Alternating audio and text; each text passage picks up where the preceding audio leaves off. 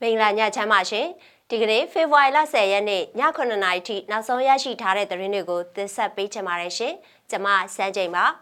ထာဝရငြိမ်းချမ်းရေးအကြိုညှိနှိုင်းဆွေးနွေးပွဲအပေါ်လက်နက်ကင်တိုင်းရင်းသားအဖွဲ့တွေရဲ့တုံ့ပြန်မှုအကြောင်းဖာပုံမြို့နယ်မှာရှိတဲ့ဌာနဆိုင်ရာဝန်ထမ်းတွေရာချီထွက်ခွာတဲ့အကြောင်းမဟာလူမှုကယ်ဆယ်ရေးအသင်းကို PDF နဲ့ပတ်သက်တဲ့ဆိုပြီးတော့ချိတ်ပိတ်တဲ့အကြောင်း နာဂဒေတာမှာစစ်ကောင်စီတပ်ကဝါရဖြန့်စာဖြန့်ဝေနေခြင်းကိုကာကွယ်ရေးတပ်ဖွဲ့ကတတိပေးတဲ့အကြောင်းတွေကိုတင်ဆက်ပေးသွားမှာပါရှင်။ပ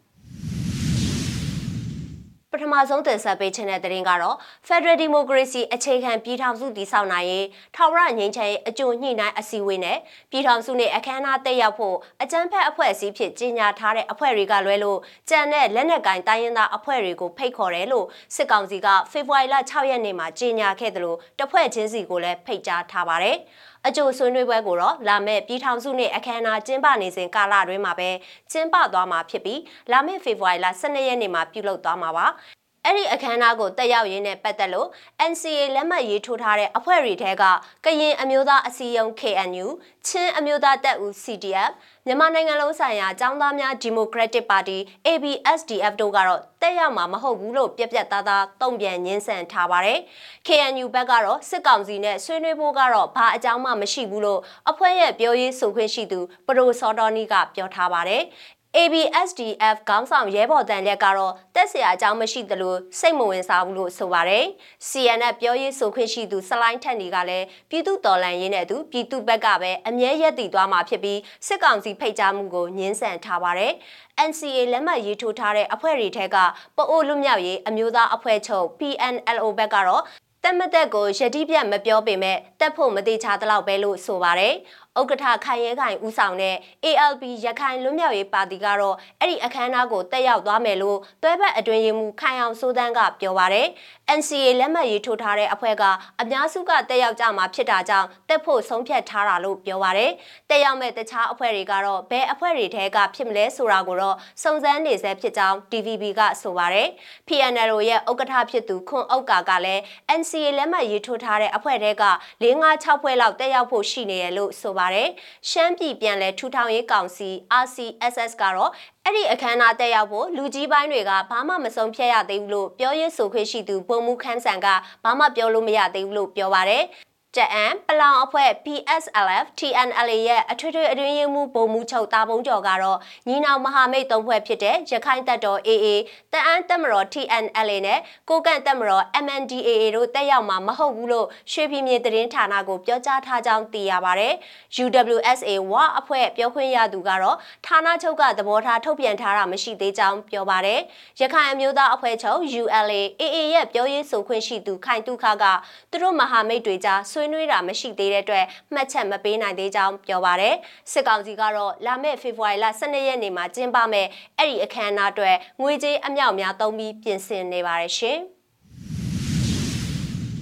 ဖာပုံမြို့နယ်မှာရှိတဲ့ဌာနဆိုင်ရာဝန်ထမ်းတွေရာချီထွက်ခွာနေတဲ့အကြောင်းကိုလည်းတင်ဆက်ပေးချင်ပါတယ်ရှင်။ ကရင်ပြည်နယ်ကရင်အမျိုးသားအစည်းအရုံး KNU တပ်မဟာ9နယ်မြေဖာပုံမြို့မှာရှိတဲ့စစ်ကောင်စီလက်အောက်ခံဌာနဆိုင်ရာဝန်ထမ်းတွေရာချီထွက်ခွာသွားပြီးအထက်လူကြီးပိုင်းအနှဲငယ်သာကြန့်ရှိတော့ကြောင်း KNU တာဝန်ရှိသူတွေကပြောပါရယ်ဖာပုံမြို့မှာရှိတဲ့စစ်ကောင်စီလက်အောက်ခံဝန်ထမ်းတွေအားလုံးဖေဖော်ဝါရီလ10ရက်နေ့နောက်ဆုံးထားပြီးမိမိဒေသအသီးသီးကိုအမြန်ဆုံးထွက်ခွာသွားကြဖို့ကရင်အမျိုးသားလွတ်မြောက်ရေးတပ်မတော် KNLA တပ်မဟာ9ကဇန်နဝါရီလ29ရက်နေ့မှာတတိပေးချက်ထုတ်ပြန်ပြီးနောက်ဝန်ထမ်းတွေအများပြားထွက်ခွာနေတာဖြစ်ပါတယ်။ဝန်ထမ်းတွေထွက်ခွာသွားတာရှိတယ်။အနေချင်းလောက်ပဲကြံတော့တယ်။ကြံတဲ့သူကလူကြီးပိုင်းအနေချင်း10ရာခိုင်နှုန်းလောက်ပဲကြံတော့တယ်လို့သတင်းကြားတယ်။အခုဆိုတဝက်လောက်တောင်မရှိတော့ဘူး။ဌာန၄၅ခုလောက်ပဲကြံမဲ့ထင်တယ်။အတိအကျရေးသွက်ဖို့ကတော့ခက်တယ်။သတင်းကတော့ခိုင်မာတယ်လို့ပြောရမယ်။တော်တော်လေးထွက်သွားပြီလို့ KNU ဗဟိုပြောခွင့်ရသူပဒိုစောတော်နီကမြစ်စမကိုပြောပါတယ်။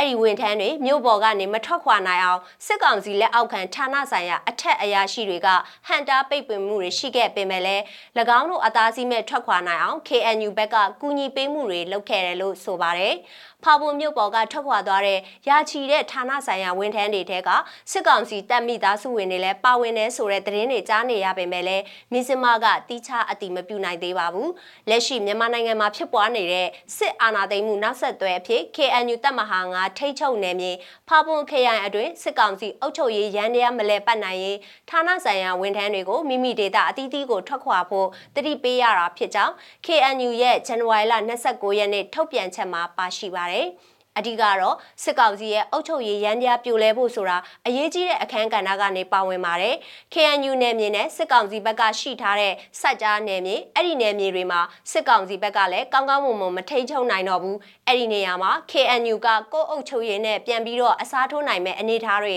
အများကြီးရှိလာတဲ့အပေါ်မှာဒါကအခွင့်အရေးတရက်ပါပဲလို့ပရိုစော်တော်နီကပြောပါတယ်။ဒါပြင် KNU တပ်မဟာတစ်ထိန်ချုံနယ်မြေဖအံမြို့နယ်မှာရှိတဲ့ကရင်နယ်ချားဆောင်တဲ့ BGF တပ်ဖွဲ့ဝင်တွေပြည်သူ့စစ်အဖွဲ့ဝင်တွေနဲ့ဌာနဆိုင်ရာဝန်ထမ်းတွေအားလုံးအမြန်ဆုံးနှုတ်ထွက်ကြဖို့နဲ့စစ်ကောင်စီနဲ့ပူးပေါင်းဆောင်ရွက်ခြင်းမပြုလုပ်ကြဖို့ KNU တပ်မဟာတစ်ကဖေဖော်ဝါရီလ10ရက်နေ့တတိပေးချက်မှာထုတ်ပြန်ထားပါသေးတယ်။မြန်မာနိုင်ငံမှာစစ်တပ်ကအာဏာသိမ်းပြီးနောက်ကရင်အမျိုးသားလွတ်မြောက်ရေးတပ်မတော် KNLA တပ်မဟာထိန်းချုပ်နယ်မြေတွေမှာ KNLA နဲ့စစ်ကောင်စီတပ်တို့ကြားတိုက်ပွဲတွေနေ့စဉ်ဖြစ်ပွားနေတာဖြစ်ပါတယ်ရှင်။ နောက်ထပ်တင်ဆက်ပေးခြင်းတဲ့သတင်းကတော့မန္တလေးမြို့စိန်ပန်းရက်မှာရှိတဲ့မဟာလူမှုကယ်ဆယ်ရေးအသင်းကိုစစ်ကောင်စီက PDF နဲ့ပတ်သက်တဲ့အတွက်ဆိုပြီးတော့အသင်းသားတွေကိုဖမ်းပြီးတော့အသင်းကိုချိတ်ပိတ်လိုက်ကြောင်းအဆိုပါအသင်းကထုတ်ပြန်ထားပါတယ်။လက်ရှိနိုင်ငံရေးကိစ္စတွေနဲ့ဆက်ဆက်နေတယ်ဆိုပြီးတော့မဟာလူမှုကူညီရေးအသင်းကဒုတိယဥက္ကဋ္ဌနဲ့တွဲဘက်အတွင်းရေးမှုတွေအပါအဝင်၈ဦးဖမ်းဆီးခံထားရပြီးဥက္ကဋ္ဌပါအစစ်ဆေးခံနေရကြောင်းမဟာလူမှုကယ်ဆယ်ရေးအသင်းကမနေ့ကဖေဖော်ဝါရီလ9ရက်နေ့ကကြေညာချက်ထုတ်ပြန်ထားပါတယ်။အဲ့ဒီကြေညာချက်မှာအသင်းဥက္ကဋ္ဌစစ်ဆေးခံနေရပြီးအသင်းသားတွေဖမ်းဆီးခံထားရတဲ့အတွက်လူမှုကယ်ဆယ်ရေးလုပ်ငန်းတွေကိုရက်အကန့်အသတ်မရှိရပ်တန့်ထားမယ်လို့ပါရှိပါတယ်။မဟာလူမှုကယ်ဆယ်ရေးအသင်းကိုဖေဖော်ဝါရီလ10ရက်နေ့မှာစစ်တပ်ကတနက်ဖောက်ပြီးတော့ဝင်ရောက်စီးနင်းဖမ်းဆီးခဲ့ပြီး3ဦးကိုကနအူးဖမ်းဆီးပြီးတော့ဖေဖော်ဝါရီလ9ရက်နေ့မှာထပ်မံဖမ်းဆီးတာဖြစ်ပြီးဒီကနေ့မှာအသင်းကိုချိတ်ပိတ်လိုက်တာဖြစ်ပါတယ်။အသင်းဥက္ကဋ္ဌကိုစစ်ဆေးနေပြီးအသင်းသားတွေဖမ်းဆီးခံထားရတဲ့အတွက်လူမှုကယ်ဆယ်ရေးလုပ်ငန်းတွေကိုရဲအကန့်အသတ်မရှိရပ်တန့်ထားမယ်လို့မနေ့ကညပိုင်းကအသင်းကကြေညာခဲ့ပြီးဒီကနေ့မှာအဆိုပါလူမှုကယ်ဆယ်ရေးအသင်းနေရာကိုချိတ်ပိတ်လိုက်တာဖြစ်ပါတယ်ရှင်။ နောက်ဆုံးတင်ဆက်ပေးချင်တဲ့သတင်းကတော့စကိုင်းတိုင်းနာဂဒေတာမှာ NUG, CRPH နဲ့ PDF တွေအပေါ်အထင်မြင်လွဲမှားစေဖို့ရည်ရွယ်ရေးသားထားတဲ့ဝါရဖြန့်စာဆောင်တွေစစ်ကောင်စီတပ်ဖြန့်ဝေနေမှုအပေါ်တတိပေးကြေညာချက်ကိုမနေ့ကဖေဖော်ဝါရီလ9ရက်နေ့မှာနာဂပြည်သူ့ကာကွယ်ရေးတပ်ဖွဲ့ NPDF ကထုတ်ပြန်ထားပါတယ်။လက်ရှိလက်ဟဲလိုမြို့တွေကိုဖြန့်ဝေနေတယ်လို့ဆက်သွယ်ရေးခက်ခဲတဲ့ရွာတွေကိုအဓိကပြစ်မှတ်ထားဖြန့်ဝေနေတယ်။ပြည်သူလူထုကတော့သူတို့ပြောတာတွေကိုမယုံကြည်ကြပါဘူးလို့ NPD CDF ကာကွယ်ရေးတာဝန်ခံဗိုလင်းယုံကပြောပါရယ်ပြည်သူတရက်လုံးဆင်နွှဲနေတဲ့ຫນွေဦးတော်လန်ရဲ့အရှင်အဟုန်နဲ့အောင်မြင်နေမှုတွေကိုကြောက်ရွံ့လာလို့တရင်အချက်လက်စီစဉ်မှုအားနည်းတဲ့ဒေသတွေမှာစစ်ကောင်စီရဲ့အထွေထွေအုပ်ချုပ်ရေးမှုဦးစီးဌာနတွေကရက်ကျေးအုပ်ချုပ်ရေးမှုနဲ့စည်ရေးတွေကိုအဲ့ဒီဝါရဖြန့်စာတွေဖြန့်ဝေနေကြောင်းထုတ်ပြန်ကြေညာချက်မှာဆိုပါရယ်မြန်မာပြည်ရဲ့အခြားဒေသတွေမှာစစ်ကောင်စီရဲ့ဝါရဖြန့်စာဆောင်တွေကိုလက်ခံဖတ်ရှုခြင်းမရှိတဲ့အတွက်စစ်လေရင်ရဟတ်လေရင်တွေနဲ့ကျဲချဖြန့်ဝေနေရပြီးအကြမ်းဖက်စစ်ကောင်ဆောင်မင်းအောင်လှိုင်ရဲ့စစ်မှုမထမ်းမနေရဥပဒေအသက်သွင်းကြိုးပမ်းနေမှုအခြေအနေဟာစစ်ရေးမှာရှုံးနေလာမှုနဲ့ကြောက်ရွံ့စိတ်အထွတ်ထိပ်ကိုရောက်နေတဲ့အတွက်အင်အားချိနဲ့လာတာကိုပြသတာဖြစ်ကြောင်းထုတ်ပြန်ချက်မှာဖော်ပြထားပါတယ်။အဲ့ဒီဝါဒဖြန့်ချီရေးစာတွေကိုဖြန့်ဝေဖို့ပူးပေါင်းလှုပ်ဆောင်လက်ရှိတဲ့အထွေထွေအုပ်ချုပ်ရေးဦးစီးဌာနကအဆင့်ဆင့်သောတာဝန်ရှိသူတွေဟာသူတို့ရဲ့လုပ်ရက်တွေကိုတာဝန်ခံရမှာဖြစ်ပြီးတော့ရက်ကျေးစစ်ရေးနဲ့အုပ်ချုပ်ရေးမှုကလည်းထက်စစ်မဖြန့်ဝေဖို့ထုတ်ပြန်ချက်မှာတတိပေးထားပါတယ်။ပြည်သူလူထုအနေနဲ့အဲ့ဒီစာဆောင်တွေဖြန့်ဝေသူတွေရဲ့နာမည်၊ယာထူဌာနစတဲ့ကိုရေးအချက်လက်တွေနဲ့ဓာတ်ပုံဗီဒီယိုမှတ်တမ်းတွေရယူပြီးတော့နာဂပြည်သူကာကွယ်ရေးတပ်ရဲ့ page messenger ကိုပေးပို့ဖို့အသိပေးထားပါတယ်။အဲ့ဒီဝါရဖြန့်ချီလုပ်ငန်းပူးပေါင်းဆောင်ရွက်နေသူတွေကိုပြည်သူတွေကပေးပို့လာတဲ့အချက်လက်တွေပေါ်မူတည်ပြီးတော့စုံစမ်းစစ်ဆေးကအရေးယူမှုတွေပြုလုပ်သွားမှာဖြစ်ကြောင်း NPDF ကာကွယ်ရေးတာဝန်ခံကပြောပါရရှင်။ မြစမရဲ့ဖေဖော်ဝါရီလ10ရက်ည9:00နာရီထိနောက်ဆုံးရရှိထားတဲ့သတင်းတွေကိုတင်ဆက်ပေးခဲ့တာပါကြည့်ရှုအားပေးတဲ့အတွက်ကျေးဇူးအထူးတင်ရှိပါတယ်မြန်မာပြည်သူတွေဘေးရန်နဲ့ပေါင်းကကင်းဝေးကြပါစေရှင်